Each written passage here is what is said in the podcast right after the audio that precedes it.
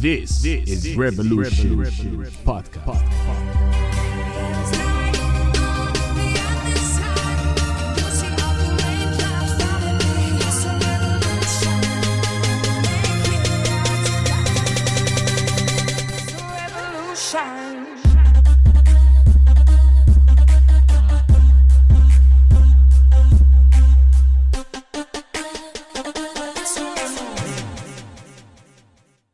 حياك الله عزيزي المستمع معك حسام الزهراني وهذا بودكاست ثورة. دقت ساعة الانتصار! لا رجوع!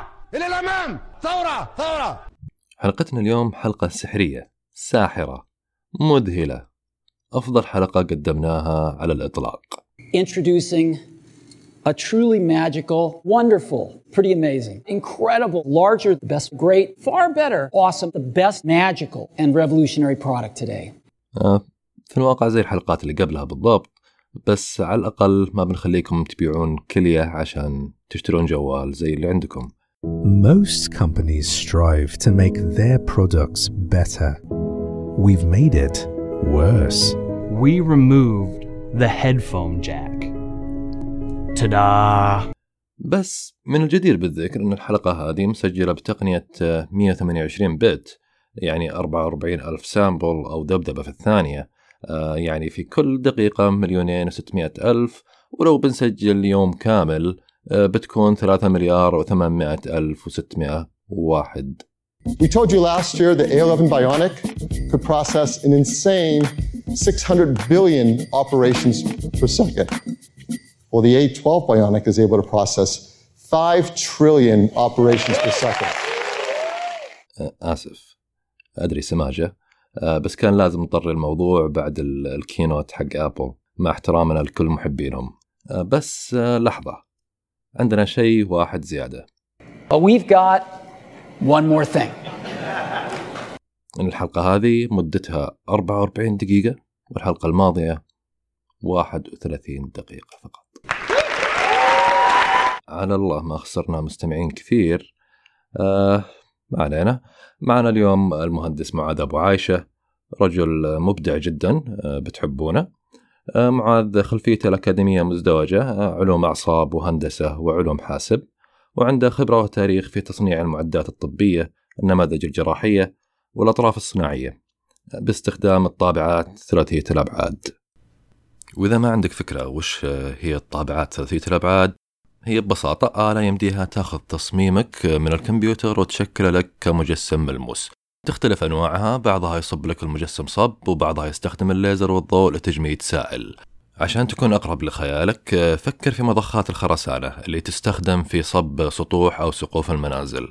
آه، تشوف المضخة تسحب الخرسانة من قلاب آه، وتضخها في أنابيب مرفوعة آه، عبر crane أو رافعة إلى أعلى العمارة. وال crane ينزل منه آه، hose أو آه، لي يصب الإسمنت بشكل تدريجي آه، من زاوية السطوح يمشي إلى الزاوية الثانية عشان يوزع الإسمنت أو الخرسانة بالتساوي. بنفس الطريقة الطابعة تصب مثلا بلاستيك مصهور على سطح أسفلها بالشكل اللي أنت راسمه على الكمبيوتر. يعني حسب الرسمة اللي أنت راسمها على الكمبيوتر الطابعة بتبدأ تصب البلاستيك بنفس الشكل بالضبط. وإذا الرسمة ثلاثية الأبعاد مجسم يعني آه، لها طول وعرض وارتفاع آه، تتكرر نفس عملية الصب طبقة بعد طبقة فوق بعض. كل طبقة تكون بسمك صغير جدا أقل من مليمتر عشان تبان التفاصيل بشكل ناعم ويسمح البلاستيك إنه يجمد بسرعة، كل ما كان السمك الطبقة أقل كل ما جمد البلاستيك أسرع. آه، بعد ما يكتمل صب كل الطبقات يكون صار عندك مجسم ملموس بدقة عالية، يمديك تستخدمه مباشرة. سواء كان قطعة غيار لسيارتك ولا مجسم شخصية كرتونية action figure ولا جهاز ميكانيكي من اختراعك.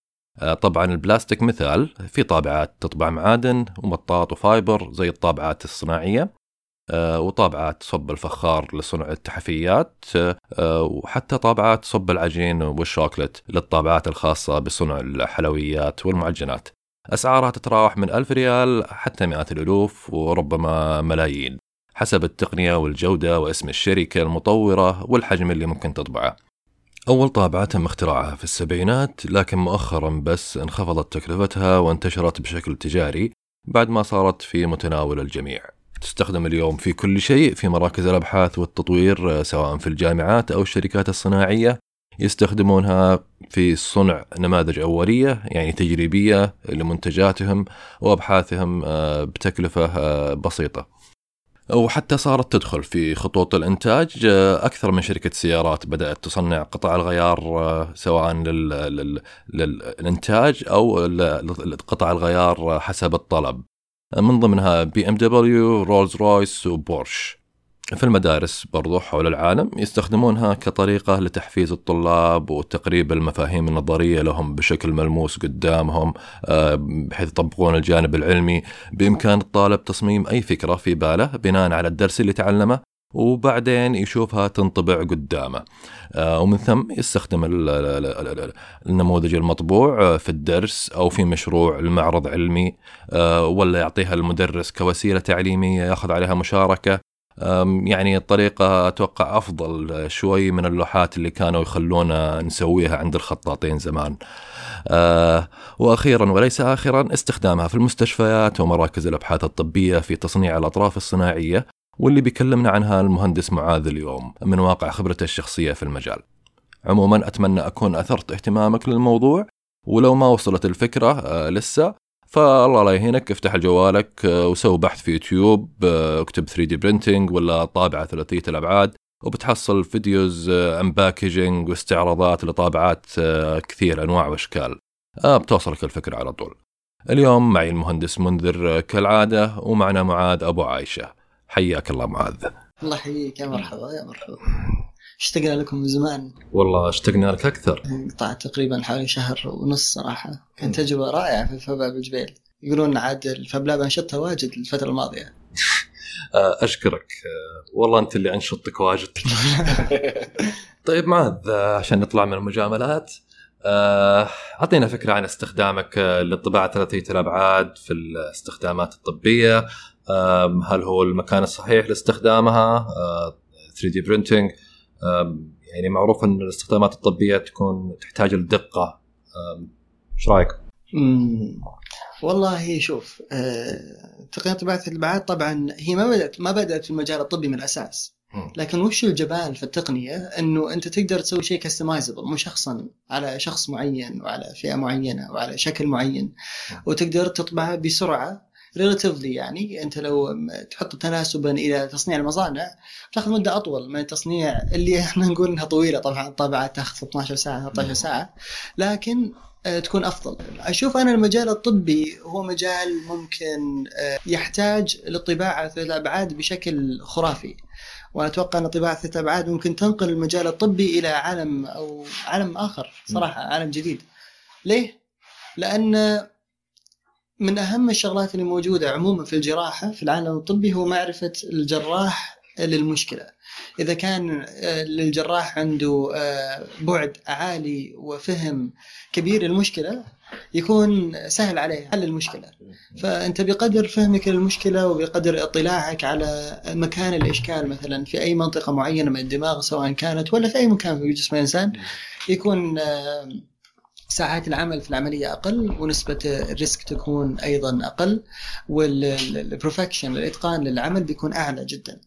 فعلى أساس كذا أنا أشوف والله آه، اخترت المجال هذا. أنا أشوف يعني الاستثمار في الإنسان هو أهم شيء أظن. أنا قصدك في العمليات أنه تسوي simulate لنفس الدماغ.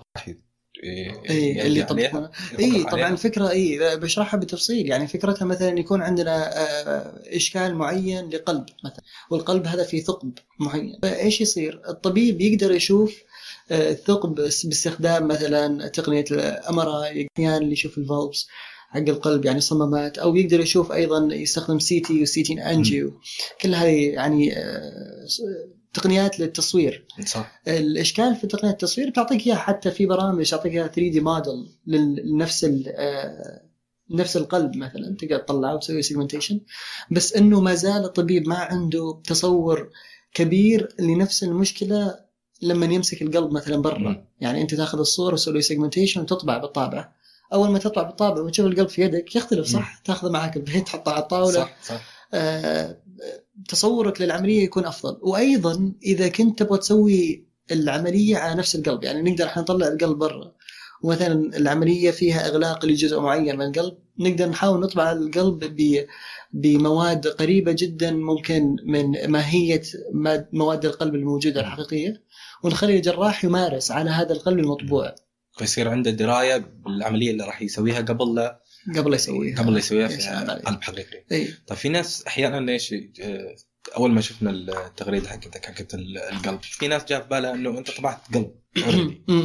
فتقدر تشرح للناس إيش اللي سويته بالضبط إنه ال process آه، طبعا ال process يعني. طبعا طبعا هو الفكرة شوية كثير من الناس قال معاذ جاب قلبه وطبعه وأي واحد عنده طابعة. الإشكال عندنا ما هو في طابعات الطابعه. عبارة عن مخرج الطابعة هي عبارة عن سلك الإنتاج لكن قبل الطباعة في ال process أنا أسميه 90% أصلا 90% من العمل قبل الطباعة طبعا. صح. ففكره القلب هذه كان الإشكال في التصوير جات من دولة نائية من الهند. كان في آه، مشكلة لجنين في قلبه عنده ثقب معين وكان الصور المقطعية ما هي واضحة عشان مم. نقدر نسوي لها segmentation يعني مم. نقدر نفصل العضلات على جنب والاوعيه الدموية وال, وال... ال- شو نسميهم إحنا؟ الأعصاب اللي كانت مربوطة. حول القلب نفصلها بالحالة كانت صعبه إني أقدر أطلعها من ال CT scan الرديئه تتعمل أي. أتوقع جهاز كان قديم جدا فكانت فكرة إني كيف أقدر أصنع برنامج أصلا خاص مم. وأخذ اللي هو تخيل يعني بال MATLAB أي. وأخذ ال grades حق ال gray اللي موجودة في ال CT scan في الصور المقطعية وأحاول أسوي لها segmentation manually مش على برنامج. فهنا كانت الصعوبة وهذه أخذت تقريبا حوالي ثلاث. أسابيع إلى أربع أسابيع لكل يوم ثمان ساعات تسوي بس segmentation يعني تأخذ من ألف slice تأخذ ال slice الأولى بعدين تسوي لها highlight ال slice الثانية. تأخذ لها highlight الين تطلع ال- ال- القلب بثلاث الأبعاد اختيار المادة أيضا المادة. لازم تكون قريبة جدا من المادة اللي موجودة كان ما عند آه، ال- المهندس اللي يستخدم طابعه ثلاث الأبعاد دراية بالمواد وقابلية طباعتها في الطابعه مم. وأن المادة هذه تناسب إن مشابهة يعني للقلب اللي موجود عشان يمارس عليها الطبيب. أيضا هذه تحتاج بحث صح. ودراسة. فهي ليس مجرد أنك تأخذ صورة. وطبعتها هي الدراسة كيف تقدر أصلا تشكل هذا الشيء وتصنعه في الكمبيوتر وتسوي له mathematical modeling تسوي له تعديل رياضي وبعدين تطبعه ولا؟ صح. إي فكانت هذه الفكرة. إيه. صحيح. وهذه الفكرة اللي المفروض الناس تعرف إنه ما. قبل الطباعة في بروسس كبير. نعم صحيح صحيح. تحتاج إنه شغل وجهد عالي. ما وصلت لهذا الإنجاز أنت تكون آه. يعني حاس نفسك أنجزت إلا آه، أخذت فترة يعني في في في لها فتره في العمل. صحيح صحيح إي. لأن دائما غالب الم... الإنجازات اللي نشوفها أنا أقول مثلا أعطيك مثال الحين جالسين إحنا أي واحد عنده قلم مثلا حسام ماسك قلم صح؟ القلم شفت التب حق القلم هذا؟ إحنا ما عمرنا فكرنا فيه اللي يمسك بس القلم في الثوب فوق. بس الصغيرة هذه. الواحد يشوف يقول بسيط هذا. بسيط ما عادي يعني. ما أتوقع ان لو اشتغلوا عليه مثل المساحة حقت القلم والفكرة بس خروج الفكرة هي أغلب الجهد يعني. يعني فأنا ما أتوقع أن ال- الاختراعات ببساطتها أو الأفكار ببساطتها معناتها أنها سهلة. بساطه عملها وشكلها. أنا نشوف أصلا أبسط الأشياء الاشياء البسيطه اللي تحل أشياء معقدة هذه أعقد الأشياء في العالم. كيف تطلع حل آه، حل لمشكلة معقدة ببساطة عالية؟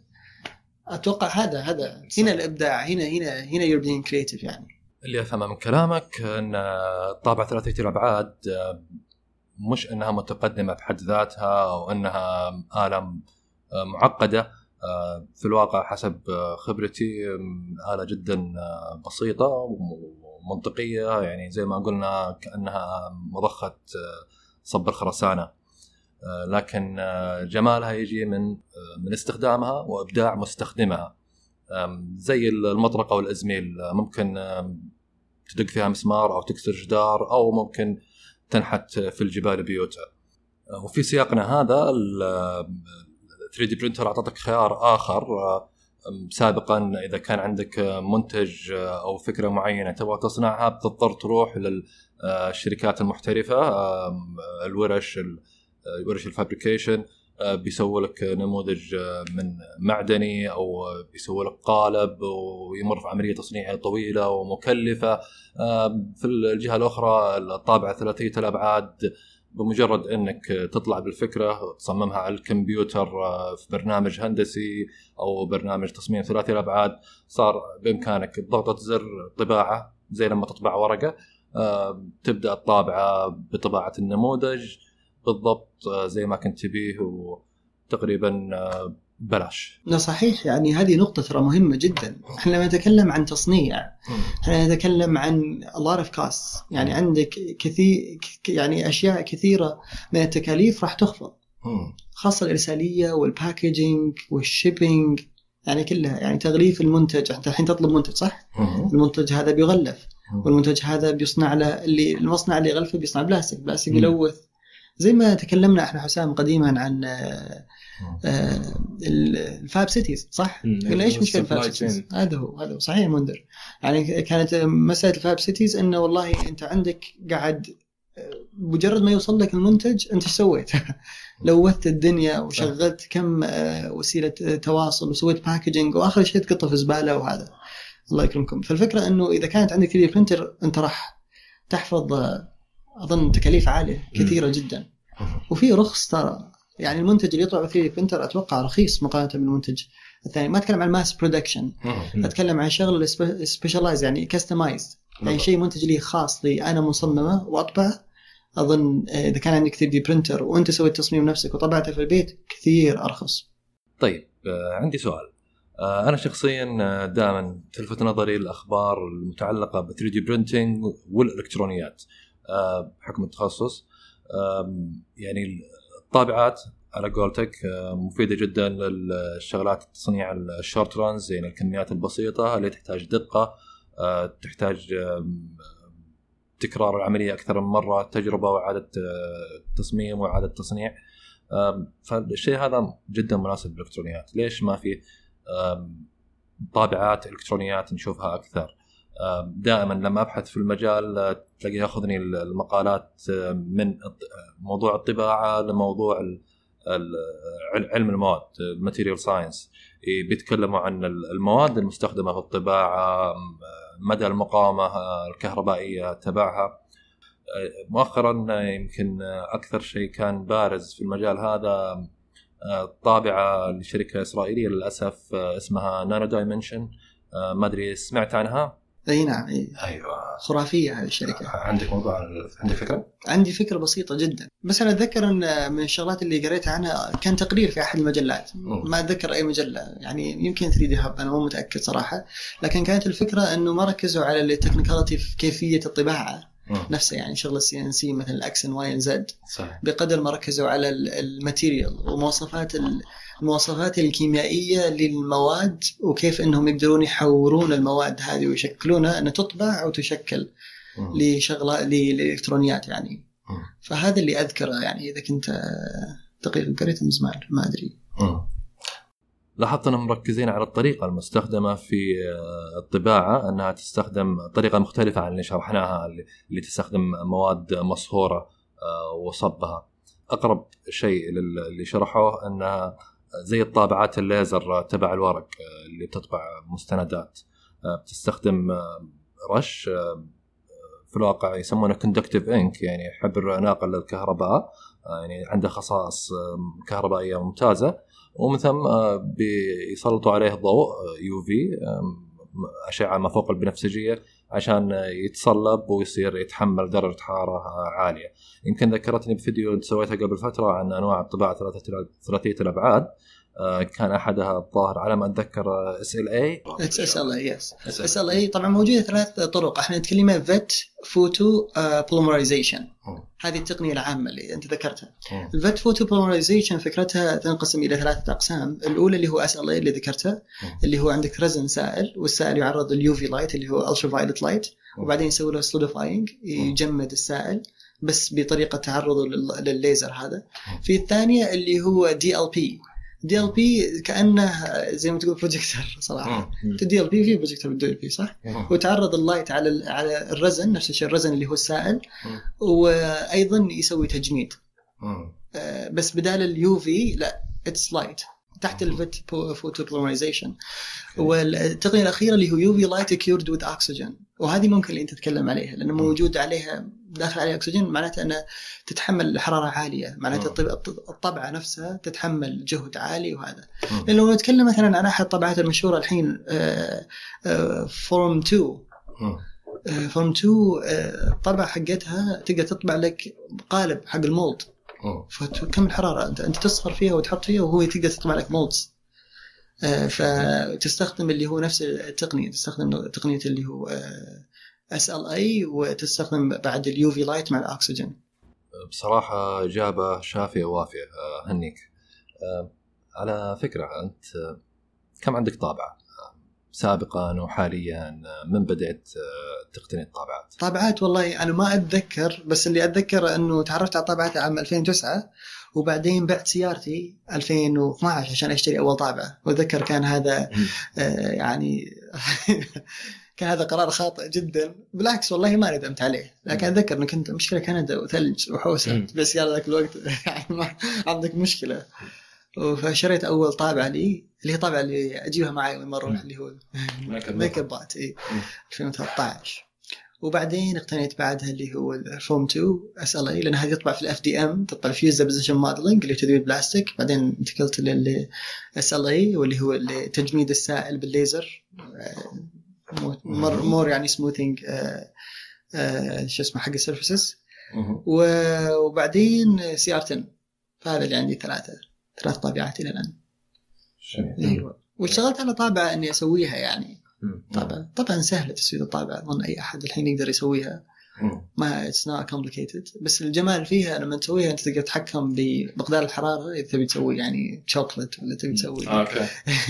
إذا تبي ترسم أشياء يعني بالطابعه اوبن سورس اوبن سورس اي هذه يستخدمونها طبعا ليش؟ يستخدمونها في المستشفيات في ال organ printing إحنا نتكلم عن طباعة الأعضاء. طيب آه، معاذ آه، كنت بسألك سؤال آه، انت ذكرت انه 2009 آه، سمعت عن أول طابعة اي سمعت عن طباعة الطباعات يعني عموما. كذا و2012 كان أول تجربة لك تقريبا على نهاية 2012 يعني أنا طبعت. أول طبعة اي طيب هل نقدر نقول والله معاذ أبو عايشة بدأ الشغف حقه من 2012 تقريبا أو الشغف في الطباعة شيء- الطباعات في الطباعة نفسها أيوة، في الطباعة من. أول ما سمعت عنها صراحة. من 2009 وأنا كنت. أدور وش فكرتها أصلا هذا. الشيء؟ يعني شلون تقدر تسوي منتج في بيتكم. شلون مصنع صغير كانت شوية صعبة علي حتى استيعابها في البداية. آه، لكن بعد ما شفتها وشفت طريقة عملها. يعني تفصيلها أي. استفسرتها جدا. خاصة زاد حبك يعني. أوه أحتاج. شفتها شيء عظيم. ولاحظت إن تطبيقاتها ما راح تنتهي. قلت هذه ثورة جديدة. إيه. طبعا أنا مؤمن إنه آه علشان الواحد يكون شغوف في topic معين لابد إنه يكون في starting point أو ال spark اي صحيح الشعلة هذه. إيه إيه. متى الشعلة هذه بالضبط؟ إنه والله سؤالك عميقه شوية اي لأن حتى أنا سمعت إنك كنت آه، أيام الثانوية تقريبا آه، أول باتنت أول إيه، براءة اختراع كانت الثانوي. صح؟ أيام الثانوية كان حتى عندك اشتراك في نادي الروبوت تقريبا. نادي روبوت اي صف رابع ابتدائي. إيه، رابع ابتدائي ما إيه، شاء الله. إيه. طيب هل من رابع ابتدائي بدأ شغفك ولا والله بداية الشغف أو الشعلة هذه أنا أبغى أعرف بالضبط الشعلة هذه متى الشعلة اي يعني قصدك شعلة إن تبغى تسوي شيء جديد. تبغى إيه، تساعد إيه. وهذا كانت البداية سبحان الله من- الابتدائية يعني. صف ثالث وهذا وأنا أتوقع أن كانت ليش؟ لأن في مدرس علوم ما أنساه الله. يرحمه اسمه سعود العنزي آه، فكرة ال- الأستاذ هذا إنه كان آه، يخليك تحب العلم أكثر من أنه يخليك. زي ما تقول تجي المدرسة بس عشان تذاكر وتطلع وهذا فكان فظيع صراحة لأن أنا كنت أجي المدرسة يمكن قبل الوقت حتى قبل الساعة سبع كنا ابتدائية. وبعد المدرسة كنت أجلس لأن إيش كانت فكرته؟ كنت أقول له يعني أفكار خرافية ليش ما برتقاله على عندها اجنحه تطير يقول لي ليش لا؟ ما يخالف. فكان الرجال يعني يسمع. ما يقتل ال- الخيال ما كان ما كان يقتل الخيال. وكان الرجل يسمع. كنت أطلع آه، من الحصص وأروح أحضر عنده. إذا كان هو في النادي العلمي جالس أو في المختبر موجود. كان يحط الباب المختبر يقول معاذ هذا مكانك تبي تجي تعال. ويحط لمبات وأسلاك ومدري إيش وتعال اشتغل. فكان الرجل صراحة يعني مربي أكثر منه مدرس. وزرع فيني الحب بالشيء أكثر من أني أنا مجبر أني أسويه. فأتوقع هذه نقاط مهمة يعني. وأيضا زرع فيني أنه بذاك الفترة كنت صغير ما كان فيه يعني توجه كبير يعني صح. لكن إنه فكرة آه، إنك أنت تحب النشاط اللا صفي يعني في إيه. شغلة موجودة كريكولم منهج إن أنت تتبع هذا المنهج اللي تتخرج وفي شغلة عندك النشاط اللا صفي هو من يصنعك ويصنع إيه. شخصيتك ويصنع اهتمامك وطموحك ووظيفتك وحياتك أصلا مم. ف إذا إحنا ما اهتمينا بالجانب هذا أتوقع عندنا إشكال كبير شكراً. المسألة اللي كنا بنقول عنها انه الباث العلمي العادي النورمال. ما يولد ال- الابتكار يعني ما يكون في إي إنه الواحد وهو صغير دائما يكون عنده أنشطة ثانية مم. في اللي يحب آه، مثلا إذا كان إنه فنان أو إنه مثلا آه، صانع أو يحب الابتكارات أو خياله واسع. إنه آبائه في البيت أو حتى مدرسينه ما يقتلوا هذا الإبداع مو شرط إنه لازم يكون والله مجتهد في الدراسة ترى. الابتكار ما ما له لا، لا، علاقة كلا- كلامك كلامك إيه. سليم جدا يعني الإشكال عندنا اللي صاير إنه آه، في تقديس لل- للنظام منهجية التدريس مم. المنتظم أنا ما أقول هذا شيء خطأ مم. أو صح ولا بد منه لكن اي لابد منه لكن إن في الطالب له خيار مفروض. الإنسان هو اللي عنده ميول والله إيش يحب وش يكره. المناهج التعليمية اللي موجودة تعرض عليك كل التجارب وتعرض عليك غالب التخصصات اللي موجودة فأنت شو تسوي؟ تروح تحاول آه يعني تبحث عن تب- تبحث عن الشغلة اللي أنت تميل لها إيه. فالواحد مفروض أن المدرسة تعينه على اكتشاف ذاته صح مو لما المدرسة تدفه برا لل- للأنشطة اللا صفيه اللي هو ممكن يكتشف في داتا أنت م. ترجعه داخل لأن أتوقع فترة الدراسة هي فترة بحث. وليست فترة اكتشاف. يعني أنت تتخرج وما عندك أي اهتمام ولا عندك أي مثلا ميول ونسبتك 99 مم. هذا يعتبر مع كامل احترامي وتقديري. يمكن مهارة في في تجميع الأوراق وسردها في الاختبارات لكن. ليس مهارة آه، حياتية. تؤهلك للريال لايف. لا لا. الحياة تحتاج إن واحد يكون له ميول خاص فيه هو. لأن في الدراسة عندنا إحنا تدرس منهج معين مم. وفي الأخير تجي تختبر. مم. حتى حتى إذا كان في سؤال فبتكون في قانون معين أنت بتأدي آه راح تطبق تطبيق مباشر. أوكي هذا القانون عوض تعويض مباشر حتى في الرياضيات. مم. أوكي؟ لكن من ناحية ثانية لو تغيرت مسألة ال- ال- المناهج إلى إنه ابتكر حل أو طلع لي حل بطريقتك الخاصة. مم. ممكن هنا تنمي الفكر الإبداعي لل- يا سلام. للأطفال. على أساس كذا أنا أشوف يوم طلعت عندنا في المناهج حصه النشاط. فكرة جميلة صح لكن هل استغلت؟ لا أنا من ترى من مشجعين حصص النشاط وكثير يقول إيش فيك معاذ؟ ترى حصه غثى مم. وزيادة وقت. ولا فيها نفع ليش؟ لأن حصه النشاط ما فعلت بالشكل المدروس المنتظم. إذا كانت حصه النشاط موجود لها منهجية يعني لما يجون الطلاب مثلا اللي عندهم حب للرياضيات في نادي رياضيات يطلعون من الفصل يروحون إيه. ل نادي الرياضيات نادي الرياضيات نادي الروبوت نادي الرسم نادي أندية بس في حصة النشاط. يك- يكون كأنه يعني شغل جامعي أو نظام مقررات يعرفون إيه. آه، إيش النظام هذا يعني يطلع يروح للفصل المهيأ للشغله الفلانيه الحين أنت استغليت حصة النشاط. تقدر تتكلم عن حصة النشاط في حصة النشاط تتكلم عن مهارات. مهارات مثل القبعات الست لحل المشاكل. تقدر تطرح في حصة النشاط. هي هويتك أنت. أنت من هويتك كطالب. إيش تبغى إيش تصير اللي تبغى تصير؟ ليش تبغى تصير اللي تبغى تصير له. ليش أنت موجود في هذه الحياة. همك هم اممي يعني تبي عشان الأمة الإسلامية ولا عشان الوطن وعشان الإنسانية؟ أنت. وين تقع؟ صح. أسئلة عامة يعني. أنت شلون مثلا ترتب أولوياتك في اليوم؟ هذه كلها لو و- وتمنهج يعني وتوضع كخطة في حصن النشاط. كان شفت الطالب يدرس صح وفي نفس الوقت عنده مهارة ثانية. أنت ما تطلع من الثانوي إلا عارف وين بيروح أصلا. صحيح. مم. فبالعكس أنا أنا أنا وافق في الرأي تماما يعني إنه الأنشطة اللاصفيه أنشطة مهمة جدا ويجب حتى على الآباء والأمهات وحتى الشباب الحين إنه يهتمون فيها. يوازن مع أنا ما ترى لا أحد يفهمني خطا إن النظام الدراسي المنظم إيه. خاطئ لكن أنا أعتبره فيه تجميد للعقل نوعا ما إذا ما استخدمت شيء. آه، آخر. حتى ممكن آه، اجتهاده شخصي يعني حتى. لو يكون في البيت إيه. أو الأندية اللي موجودة أو fab lab الموجود في في المدن يعني. إيه إيه. إنه يشترك في أحد ال fab لابات ويقدر يمارس هذا يعني هذا تسويق لفاب لاب الجبيل تقدر تقول كذا. مع إن إحنا تسويق مجانا يعني تجي مجانا أيوه هذه. هذه الفائده إنه أوكي إحنا قاعد نقدم دورات ونقدم open community مفتوح. مم. إنه أي أحد مبتكر يبغى يجي. آه، يبدع الباب مفتوح يعني. صح، هي.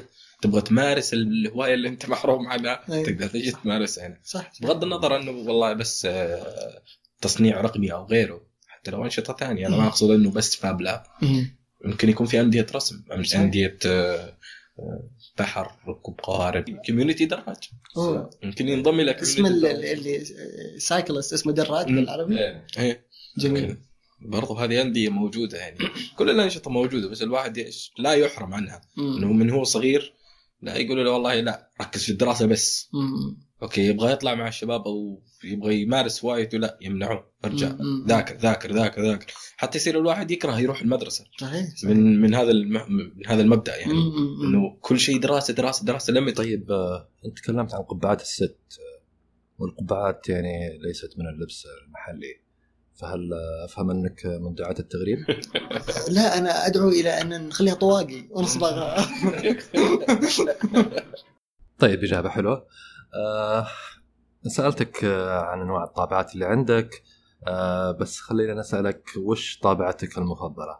أو أو مقدما أقول لك آه، إجابة آه، طابعاتي كعيني لا أفرق بينهما ما تنفع. ما تمشي. لا طابعتي المفضلة بلا منازع لا أملكها.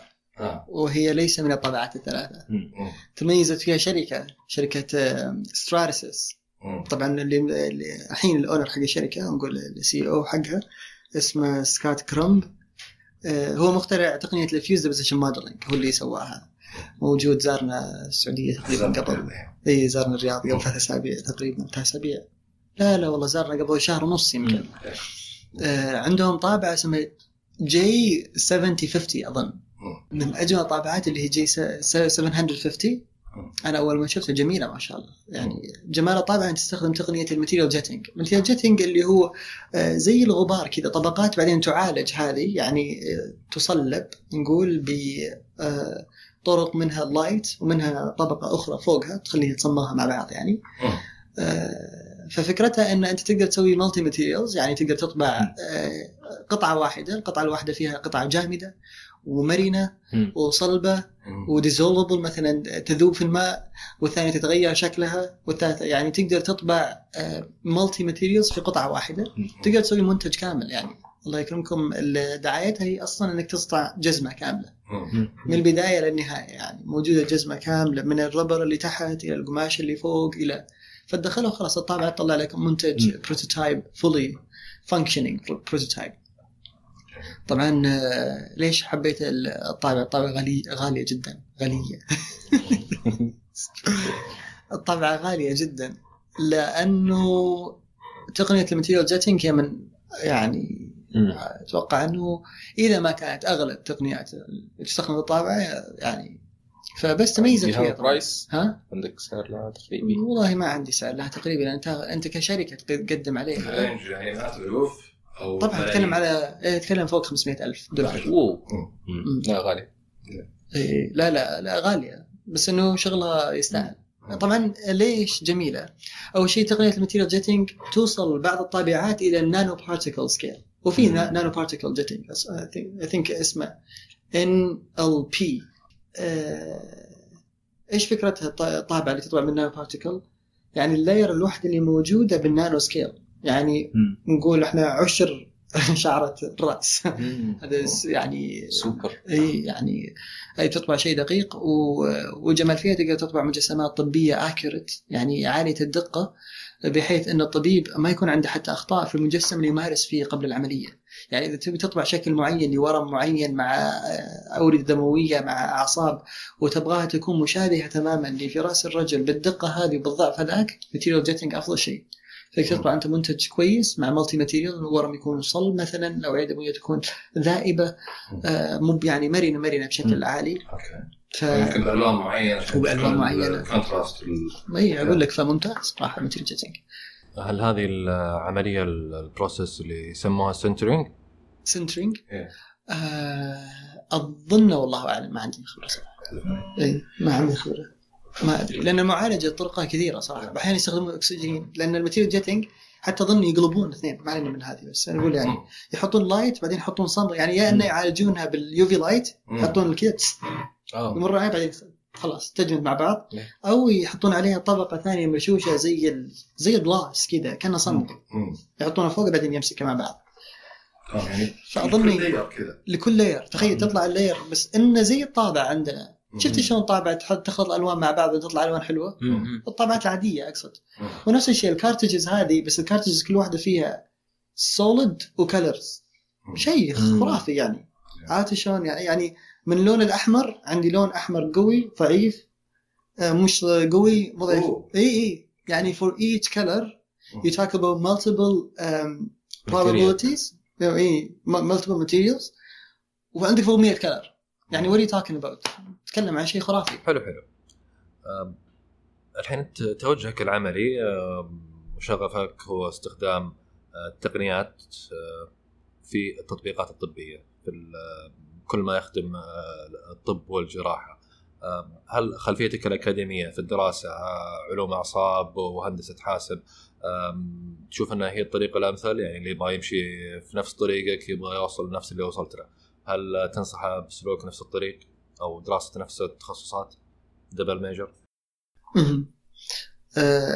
سؤال مهم أتوقع هذا. هذا من أهم الأسئلة لأن في تويتر تقريبا أظن هو ال highlight. عندي في حسابي آه، غالب الأسئلة إذا بقسمها 80% من الأسئلة اللي تجي تتكلم عن معاذ وش تخصصك وش السالفة. طبعا آه، أنا أقول التخصص يعني آه، لا يصنع الشغف الشغف شيء والتخصص الدراسي شيء آخر. آه، وأقول إن الطريقة اللي سلكتها صحيح أنا درست هندسة عامة انتجريتد انجينيرنج أول شيء وبعدين دخلت في اللي هو computer science علوم الحاسبات. double major مع كمبيوتر مع neuroscience علوم أعصاب. لكن هذه ليست الطريقة المثلى للوصول للشغلات اللي أنا أسويها. أظن الهندسة الطبية أيضا لها قسم آه، لها باع كبير في المجال اللي أنا أشتغل عليه إذا تسمح لي بالمقاطعة ما أدري هل كانت مقصودة ال combination هذا؟ الخيارات جاءت في وسط الدراسة. أنا من النوع اللي أحب تجربة فما أقدر والله أحكم على شيء على هندسة طبية ولا على هندسة ع- عامة ولا على neuroscience ولا computer science إلا إذا جربت. في يوم دخلت في الهندسة؟ اختيارك لدراسة التخصصين مع بعض double major كان مقصود؟ إي إي double major لا مقصود جدا مقصود. إيه. اللي هو كيف علوم الحاسبات وعلوم الاعصاب والله يا أخوي عندنا مشكلة. إحنا أنا إذا تبغى تسوي الجوريثم ذكي جدا في سواء في الذكاء الاصطناعي أو في تعلم الآلة. لازم أنت تشوف وش هو أذكى شيء حولك موجود تستحوي منه أو يعني تأخذ خلاصة للوغاريتم معين. ما في شيء أجمل من عقل الإنسان ودماغ الإنسان كيف يستوعب الأشياء وكيف آم، يعني يشكلها في عقله وكيف يصنع فكرة من لا شيء مثلا. فكانت عندي فكره قلت كيف أقدر أستوحي بعض ال- البرامج البرمجيات واللوغاريتميات اللوغاريتميات عن طريق ال- ال- دراسة عقل الإنسان نفسه. وين سبحان الله يعني المجال هذاك واسع جدا. وما زلنا نخطو خطوات يعني أطفال فيه أتوقع مجال علوم الأعصاب. لكن فادني كثير. أنا أشوف في شبه خرافي بين علوم الحاسبات وعلوم الأعصاب. اي شبه في انتقال يعني حتى الحين آه، اتجاه كثير للبرمجيات. Deep شركة DeepMind مثلا ولا الشركات الثانية مثلا عندك ال neural network شو نسميها؟ الشبكات العصبونية الاصطناعية الظاهر. أيوه ممكن نسميها كذا هذولي يعني مستوحاة كثير ترى من طريقة آه، فكر الإنسان ال nodes اللي موجودة في عقل الإنسان مشابهة نوعا ما. ما أقول أنا مستوحاة تماما لكن مشابهة طريقة تواصل الخ- الخلايا العصبية مع بعضها. عرفت شلون؟ فكانت هذه. طبعا هذا استطراد. بس نرجع للسؤال الأساسي. آه، فهي زي ما ذكرت ما هو الطريق الأمثل أصلا إن الواحد يسلك لتخصص. لكن هذا ما وجدته أنا من تجربتي وفي طريقتي يعني أنا لو أنصح فيه إيش بنصح؟ بنصح الواحد أول شيء يجد له اهتمام وشغف بعيد عن تخصص دراسي. أنت مجرد ما يكون الشغف موجود وواضح والأهداف واضحة إن شاء الله التخصص الدراسي راح يساعد ويساند بشكل كبير جدا، لا تعتمد تخصصك في شغفك. آه، شغفك هو الأساس من يقود والتخصص هو مساند. آه، الهندسة الطبية الحيوية أتوقع هي أقرب تخصص ال bio biomedical engineering واتوقع أقرب شيء للتخصص اللي أنا أسويه لكن منهجية تدريسة في المملكة آه، قديما وهذه يعني قد أظلم كثير إذا تكلمت فيها كثيرا لأني ماني عارف كثير إلا من الناس اللي تكلمت معاهم درسوا هندسة طبية في السعودية. أنا ما درست هنا لكن غالب ما يقولون فيها restriction يعني فيها محدوديات في التعليم آه، كبيرة. يعني مثلا أنا أتوقع الهندسة الحيوية الطبية الحين لازم يدخلون في 3 D printing بشكل كبير بالطباعه ثلاث ابعاد. وهندسه الجينات والشغلات الثانية. بعدين تقول لي لا هي تخصصات ثانية. بس أنا أتوقع أن الهندسة الطبية مجال ترى واسع جدا ومتجدد بشكل عالي جدا لأنه مربوط بالهندسة ومربوط في الطب. فهذول المجالين يتقدمون بشكل هائل. أنا أتكلم كل شهر. معناتها نفس التخصص المفروض يتقدم معاهم آه، بشكل كبير. الهندسة الطبية اللي وجدتها خارج المملكة مختلفة تماما. يعني تكاد كل جامعة أو جامعة تختلف بهندستها الطبية. لأن كل جامعة لها اهتمام وكل جامعة لها منهجية خاصة في تدريس آه، يعني هذه المادة. طبعا الأساسيات نفس الشيء لكن لما تجي سنة ثالثة سنة رابعة يبدأ يختلف عليك اهتمام ال- الجامعة. في بريطانيا أتوقع إيه هم يميلون كثير لطباعه التبعات آه، وأتوقع هي من آه، من الدول المتقدمة حاليا في الطباعة وأول عملية عمل لها العمل اللي أنا أسويه اللي هو اللي هو surgical planning اللي هو التخطيط الجراحي بطباعه مجسم لنفس الحالة الطبية خارج الجسم والتمرين عليه عمل في بريطانيا. فأتوقع لهم باع كبير في هذا المجال من أراد أن يبحث. يعني تحسهم يركزون على الصيانة على الشغلات هذه أكثر منها على التطوير على المستوى المحلي؟ المستوى المحلي صيانة hardware لا في دراسة طبية آه، لكن هي ليست عميقة بالشكل ال- ممكن أقول المطلوب. لكن ممكن أنا أكون آه، يعني أنا أتوقع أن مرحلة أيضا مبكرة أن الواحد يدخل في تخصص طباعه الأبعاد في الهندسة الطبية. ممكن تصنع له تصنع له أساسيات. لكن أشوفها أنه يكون مشروع مثل ماجستير. ماجستير ممكن يكون متخصص في ال additive manufacturing في تصنيع آه، بالإضافة. آه، آه، لكن كانطلاقة أنه يطلع من ال biomedical engineering اظنه كويس مع أن ال biomedical engineering ما هو مركز كثير على القضايا الجديدة اللي أتكلم عنها. زي ما ذكرت أنت تقول كله شغلة على ال hardware غالبا. ولمحات من هنا ومن هنا آه، صحية. طيب لو خيروك آه، واحدة من الثلاث طابعات اللي سبق وامتلكتها آه، تقترحها المستمع آه، وش تختار؟ طابعه أقترح. والله صاحب أظلم في طابعات كثيرة. أنا أقترح إن الواحد أصلا يجيب طابعة وهي برنتد يعني يأخذها آه، وأسمبلي. أطبع طابعتك. أطبع طابعتك بنفسك. ونأخذ اتصال. السلام عليكم ورحمة الله وبركاته. طيب آه، خلاص. إي أصنع طابعتك بنفسك لأنك أحسن لأنك أظن بيعرف طريقة الطباعة.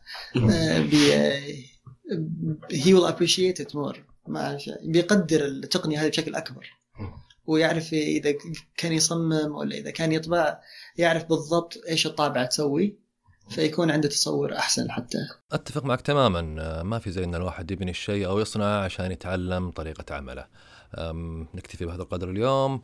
آه، نشكرك عزيزي المستمع. آه، تابعنا على تويتر وإنستغرام. واسمع الحلقات الباقية إذا أنت لسه ما سمعتها. فيها أشياء جميلة. نشكرك عزيزي معاذ. كان النقاش معك ممتع جدا. نعم شكرا جزيلا على الاستماع. ويعني آه، إذا كان في أي اقتراحات أو استفسارات عن أي شيء ذكرته أنا مستعد أجاوب عليها. وإن شاء الله نلتقي في حلقة قادمة بإذن الله. إن شاء الله. يلا الله يعافيك. السلام عليكم.